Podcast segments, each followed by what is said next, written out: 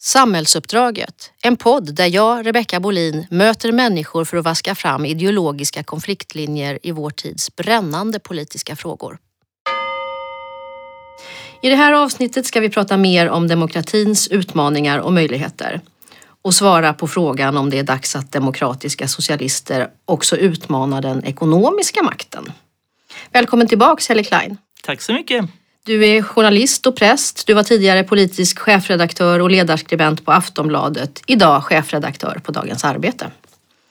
Ja, men jag tänker att vi börjar samtalet idag med att prata om ordning och reda.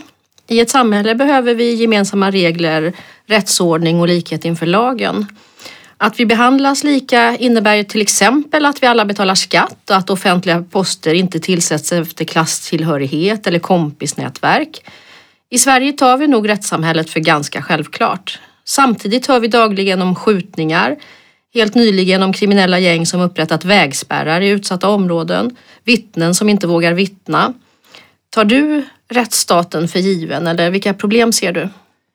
Nej, det är alldeles uppenbart det du nämner nu med gängskjutningar och den, den våldsamma kriminalitet som vi har sett på senare år är ju djupt bekymmersam. Men jag menar ju att den måste ju också analyseras utifrån Eh, en ökad ojämlikhet faktiskt eh, och eh, mycket av utanförskap och annat och att man inte bara kan ha en brott och straffdiskussion. Den är ju viktig i sig, men vi har haft länge i den politiska debatten att det är hårdare straff och fler poliser och väldigt lite av den socialpolitiska diskussionen om, om jämlikhet och, och hur vi just får ett samhälle där alla kan känna sig inkluderade.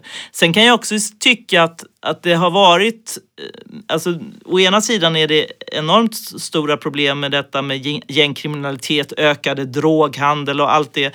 Men det som det pratas väldigt lite om är ju det som händer på arbetsmarknaden där det kan, faktiskt varje vecka är någon som dör på jobbet på grund av usla arbetsmiljöer. Eller där vi har förfärligt utnyttjande av migrantarbetare eh, som en ren slavhandel och utifrån den typen av eh, eh liksom oordning på arbetsmarknaden växer ju också en kriminalitet. Där finns också eh, knarket och människohandeln och eh, gängskjutningarna. Och den analysen eh, saknar jag i politiken. Men visst, rättsstaten måste vi ju ständigt, precis som demokratin i sig, kämpa för. Och också kunna kritisera när vi ser att den inte håller. Ja, du sätter fingret på där att lag och ordning och rättsstaten kanske har allra störst betydelse för de mest utsatta på arbetsmarknaden men, men också i vår vardag, alltså om det är så att eh, eh, informella nätverk skipar rättvisa i, i ett bostadsområde så är det ju faktiskt allra värst för de allra svagaste. Ändå är det ju högern som har ganska mycket initiativet i den här debatten. Förvånar det dig? Nej, egentligen inte för det, alltså, det har ju alltid på ett sätt funnits en, en högerdiskussion som har handlat om brott och straff och där vi från vänster mer har velat prata om de sociala frågorna. Och någonstans finns det väl en mellanväg här tror jag.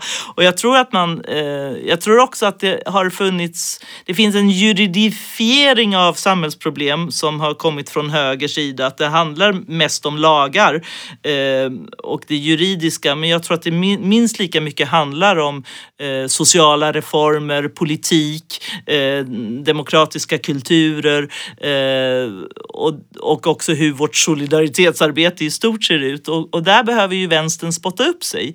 Eh, överhuvudtaget, när jag var ung på 70-talet, det låter som det är uråldrigt, men då florerade ju en väldigt stark socialpolitisk debatt. Och där slogs vi ju inom vänstern mellan olika grenar. Eh, men det var väldigt mycket socialpolitik som diskuterades, också om droger, om kriminalitet, men också synen på fängelser och, och kriminalvård och sånt. Och den debatten skulle jag önska att vänstern faktiskt plockar upp igen utifrån ett, ett mer av ett solidaritets och eh, människovärdesperspektiv. Förra gången du var här så pratade vi ganska mycket om populism eh, och eh, hur, hur de ifrågasätter yttrandefrihet bland annat. Eh, men ser du ett problem från populister även när det gäller förhållandet till lag och ordning? Att man innovativt utnyttjar oreglerade svagheter i lagstiftning för att stärka sin makt. Eh, ja, det ser vi ju i omvärlden att till exempel Orban gör. Eh, känner du en oro för det här även i Sverige? Alltså det är ju svåra frågor. Det var ju, jag tror att det var faktiskt Pertti Olsson som är liberal eh, debattör på Sydsvenskan skrev inför förra valet att vår konstitution inte är så stabil som vi kan tro. Att det skulle kunna vara ganska lätt att kuppa igenom saker eh, som skulle kraftigt begränsa demokratin om det skulle komma ett parti som vill göra det. Eh, och eh, jag kan inte de frågorna fullt ut men jag tror att vi ser nu till exempel i diskussionen om public service. Eh, där finns det tendenser eh, i hela kulturpolitiken där man vill eh, begränsa, införa en slags nationalistisk idé som Sverigedemokraterna driver och sånt. Och det där måste man ju se upp för. Ehm, och, och hur man ändå säkrar demokratin. Sen, sen är jag ju, jag tycker att det är minst lika viktigt med Alltså, å ena sidan är det liksom det som är lag och det som är stat men det andra är minst lika viktigt hur vi odlar demokratiska kulturer. Eh, båda de delarna är viktiga. Så att, ja. ja, demokrati handlar ju om väldigt mycket mer än likhet inför lagen. Jag tänkte att jag skulle citera Olof Palme. Han sa i ett av sina tal Socialdemokratin har alltid betraktat demokratin som någonting mer än formella rättigheter.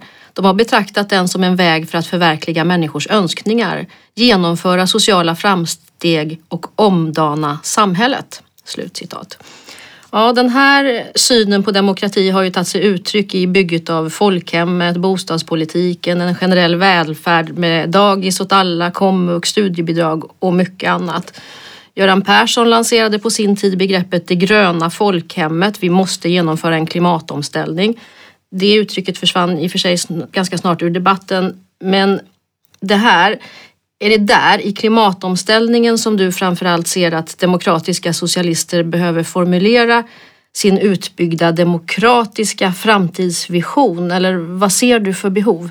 Dels först om man tar det som Palmes syn. Jag tror att det är väldigt viktigt att visa på, man kan egentligen gå tillbaka längre i arbetarrörelsens tradition. Man kan ta Rickard Sandler som grundade ABF och folkbildningen en gång i tiden. Han pratade om arbetarrörelsen som en kulturrörelse, inte bara en politisk och ekonomisk rörelse utan också en kulturrörelse. Och, där är, och det är det Palme är inne på att å ena sidan är demokratin ett beslutssystem, eh, majoritetsbesluten, eh, kompromiss kulisserna, eh, eh, allas lika rösträtt och allt det där. Men det finns också det andra, hur vi odlar en demokratisk kultur, hur vi eh, ser varandra som jämlikar, hur vi känner delaktighet. Eh, och, där, och det är jätteviktigt att återta det som arbetarrörelse, att vi blir demokratibyggare. Sen måste alltid vi som politisk rörelse ha visioner och framtidsidéer och där är ju klimatomställningen en helt avgörande fråga för vår framtid eller för vårt nu också för den delen. Eh, och, och där är det ju om att bygga ett nytt samhälle som är hållbart socialt, eh, miljömässigt, ekonomiskt. Så den, den är en enormt viktig men där gäller det också att ha klassanalyser och maktanalyser. Ehm, eh, hur, om man ska införa, göra klimatomställningen, vilka, vilka drabbas hårt, vilka drabbas inte, hur ser det ut, eh, ekonomisk rättvisa och annat. Så att, eh, men jag håller med, den, den är väldigt avgörande framöver. Kan det förvåna dig att inte arbetarrörelsen tar ett större initiativ i den debatten? Alltså jag tycker ju att, att socialdemokratin, du nämnde själv Göran Perssons gröna folkhemmet och vi kan ta före honom var ju Birgitta Dahl. Det var hon som införde egentligen begreppet det här med omställning. Eh, hon var en fantastisk drivkraft där. Jag tycker att vi har släppt eh, kanske lite för mycket till Miljöpartiet eh, eh, därför att den här gröna Eh, gröna ådran inom socialdemokratin har ju funnits i decennier, inte minst eh, under 60-talet och Olof Palme och eh, så växte det ju fram en, en miljörörelse som var vänster. Eh, och där tror jag vi behöver bli mycket bättre eh, på att, att liksom återta det gröna eh, utifrån en rättvis solidaritetsfrågesynvinkel. Ja, när jag nu har citerat tidigare S-ledare så skulle jag vilja nämna även Per Albin Hansson. Han sa en gång Först ska vi befästa den politiska demokratin. Därefter ska vi förankra den sociala demokratin och den sociala välfärden. Sen är tiden inne att gripa sig an den ekonomiska demokratin. Slutcitat. Vi har idag en situation där ägande koncentreras hos ett antal superrika, en tendens som blir allt starkare. Så när är tiden inne för att angripa den ekonomiska demokratin skulle du säga?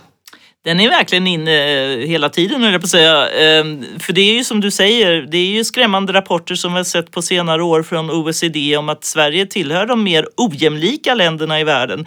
För oss har ju alltid jämlikheten varit väldigt viktig, men förmögenhetsklyftorna är enorma och det är det ju hela i västvärlden men även i vårt land. Och där det blir stora ehm, ägar och ekonomisk förmögenhetskoncentration eh, och en ökad ojämlikhet. Eh, men men och det där tror jag, jag tror kanske inte att, vi hade ju det gamla försöket med löntagarfonder eh, som var intressant men blev lite förfelat. Men jag tror att det är viktigt att se det både utifrån naturligtvis en skattepolitik, hur vi fördelar och omfördelar och ser till att alla är med och får del av ett välfärdssamhälle. Tänker du på kapitalinkomster ja. eller vad tänker du på? Ja, jag tror att man måste omfördela mycket mer eh, med, eh, idag. Eh, för det är galet som det ser ut eh, med ägar eller förmögenhetsklyftorna.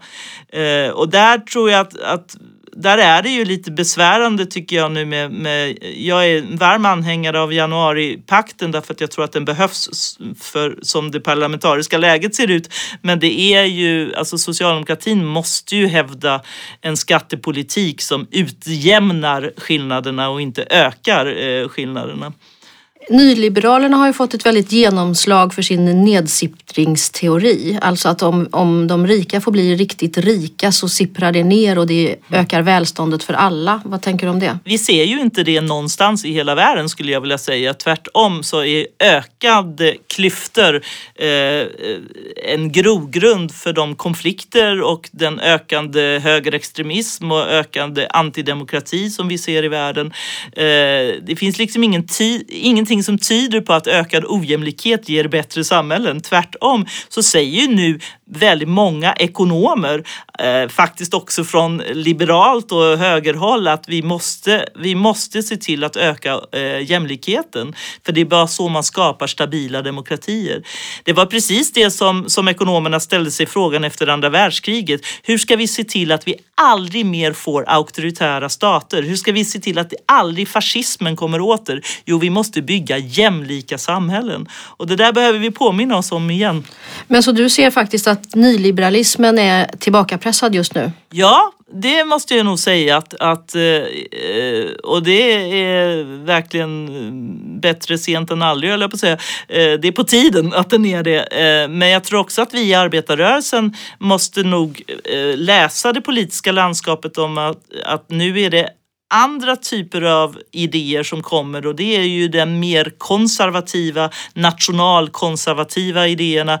Det politiska landskapet måste vi bli lika bra på att läsa som vi har läst eh, nyliberalismen.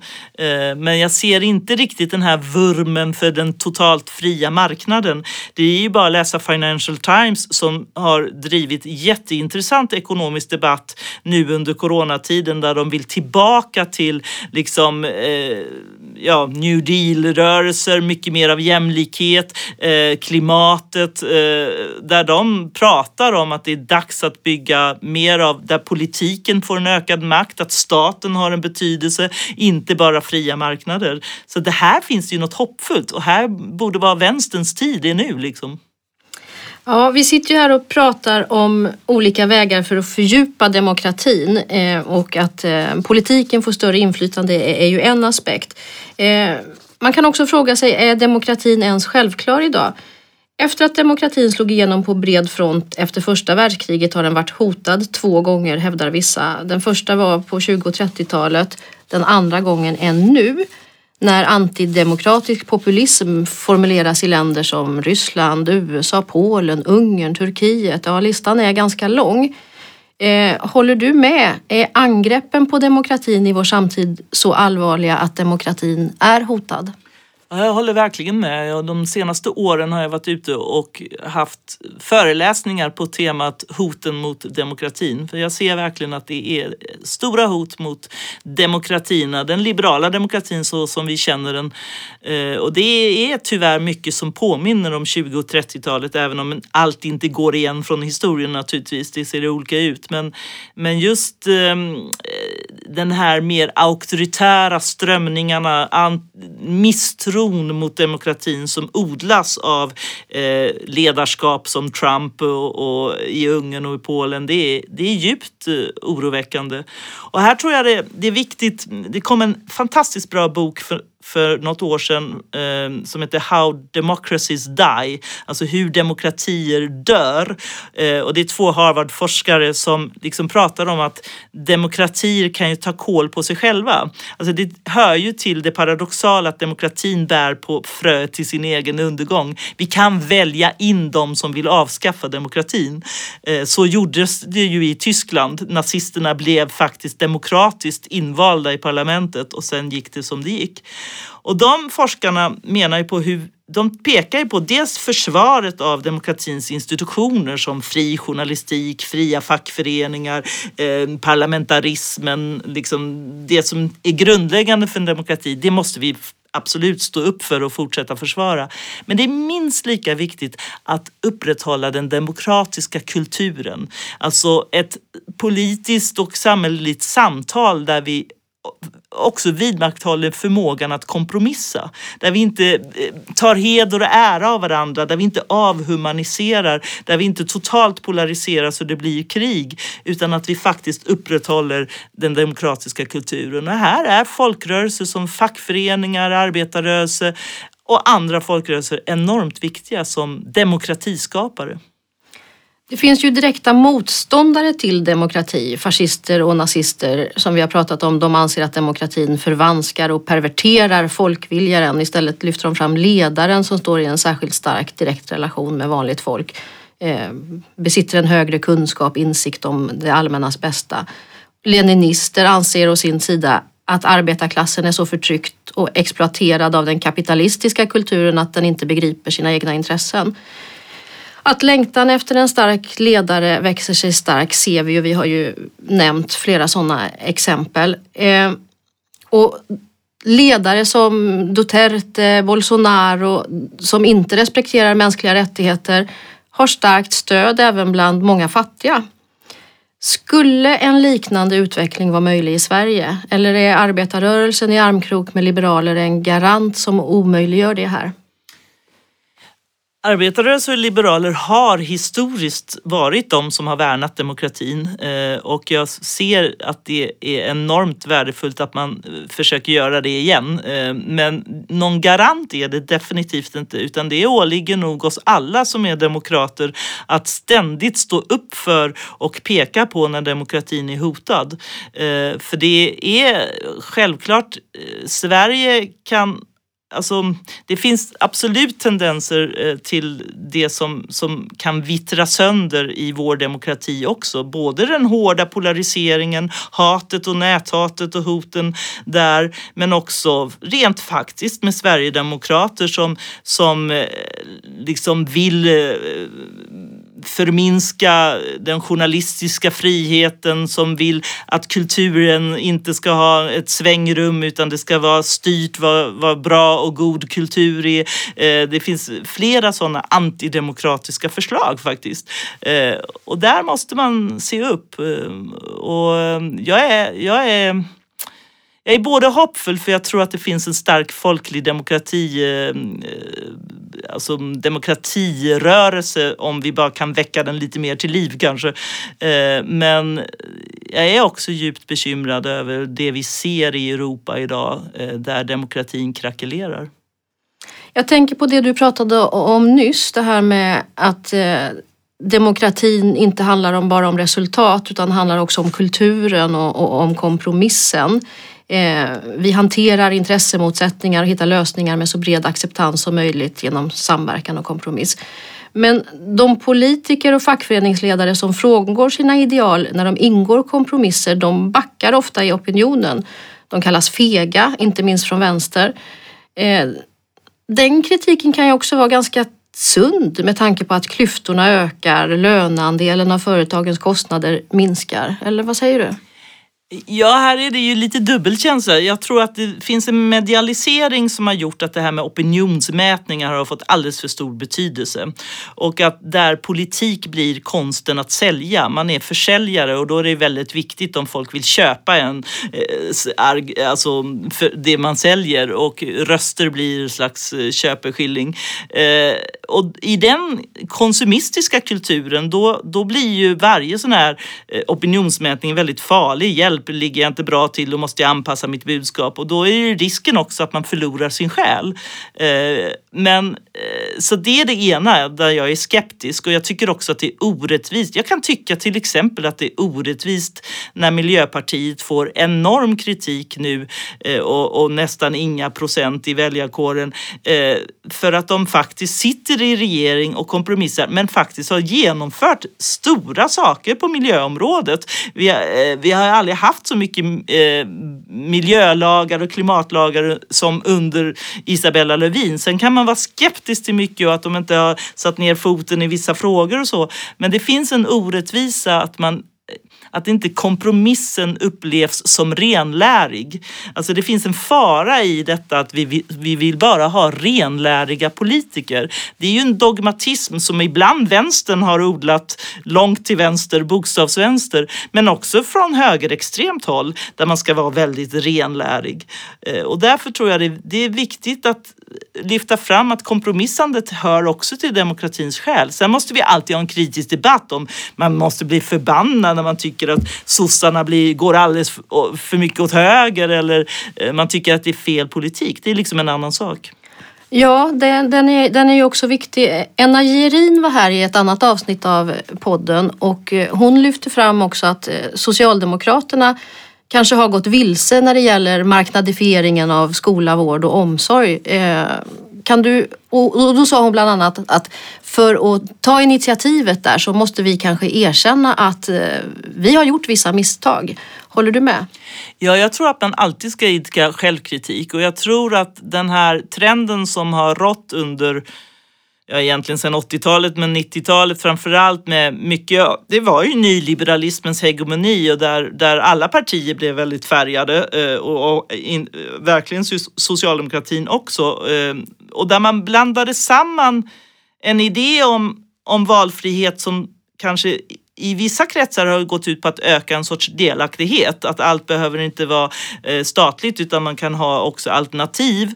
Eh, eh, till exempel på skolområdet så kan det vara, faktiskt vara så att man startar i bygden, går man samman för att upprätthålla, att försvara sin skola, den ska vara kvar. Och man ska, det fanns mycket sådana, kanske romantiska tankar. Sen blev det stora koncerner, multinationella företag som tog över skolan och inför att skolan skolan är typ, typ en affärshemlighet. Det är ju en marknadslogik som är helt galen att ha på skolområdet.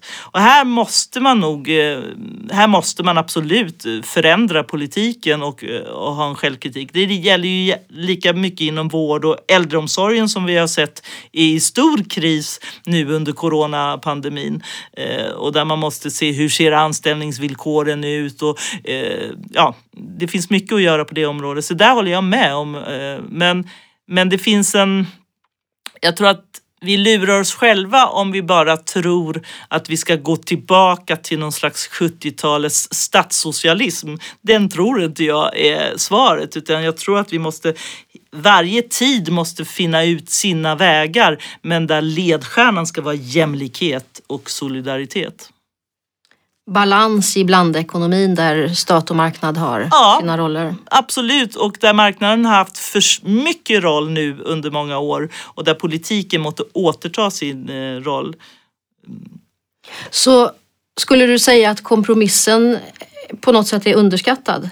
Ja, eller lite föraktad just därför att det finns det här renlärighet så att vi måste, vi måste, alltså politik är blir liksom försäljning och då blir det ett slags kontrakt och håller man inte kontraktet så är man en usel försäljare. Liksom.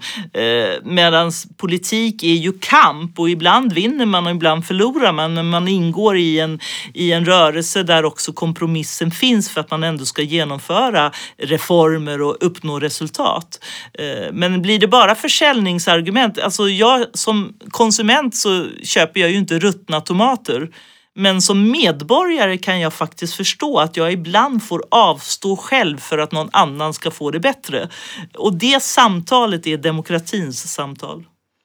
Du var inne på nyss det här också vikten av att vi inte avhumaniserar våra motståndare. Samtidigt måste vi vara vassa i vår kritik mot eh, de idéer som våra motståndare har. Och, eh, Demokratins uppgift kan ju på det sättet beskrivas som en evig konflikthantering. För vill man förgöra sina motståndare då hamnar man ju vid Auschwitz grindar. Så var går egentligen gränsen genom att vi måste kunna vara ganska hårda mot motståndarna politiskt utan att vilja förgöra dem? Det är ju just detta att aldrig uppvigla till personangrepp eller avhumanisering eller att sprida fördomar eller sexism eller eh, antidemokratiska idéer utan att hålla sig till absolut en skarp åsiktsbrytning, sakfrågor eh, och att man liksom kan förstå och hedra motståndarens bästa argument. Du som själv har varit så utsatt för avhumanisering, hot och hat. Känner du aldrig liksom eh, ditt inre svin så här, nu jäklar ger jag tillbaks med samma mynt? Nej, ärligt talat faktiskt inte för jag tycker så illa om eh, den typen av eh, person. Jag är nästan ibland lite naiv. Det är till och med så att jag kan tycka synd om mina värsta fiender därför att jag ser dem som människor. Den här nazisten som har varit efter mig nu i flera år kan jag ur människosynpunkt tänka vad är det här för stackars människa? Vad har han för liv? Eh, och, och där kan jag känna på ett sätt en sorts empati med en, en, ja, en egentligen en krossad själ på något sätt. Och jag tror att vi Eh, vi måste vara stenhårda eh, kritiker av eh, det som hotar demokrati och människovärde. Men vi måste också kunna föra ett samtal, till exempel med SDs väljare. SD ska vi ständigt se som, liksom, det är ett parti som har rötter i nazism och fascism och dess ledning är djupt ideologiska. Så de ska vi kritisera och ifrågasätta. Men väljarkåren är ofta bestående av helt vanligt folk som inte ser eh, några andra alternativ eller inte Ja, ibland finns det naturligtvis rasister där och de ska vi klart ifrågasätta. Men vi måste också kunna få med oss människor i en längtan efter ett bättre samhälle, inte i längtan efter det auktoritära.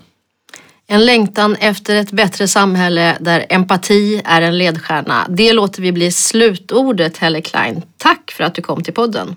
Tack. Ja, vi ska gå vidare i podden med nya avsnitt. I nästa avsnitt kommer vi att välkomna Göran von Sydow. Då ska vi prata mer om Sverige som en del av världen. Ska vi bygga samhällsvärn mot ofärd och fattigdom bara för svenskar? Eller hur ska vi navigera mellan nationalstaten och vår omvärld? Du har lyssnat på Samhällsuppdraget, en podd producerad av Leopard förlag i samarbete med LO och ETC Nyhetsmagasin. Programledare var jag, Rebecka Bolin, producent Johanna Ekeroth och tekniker Petter Brundell.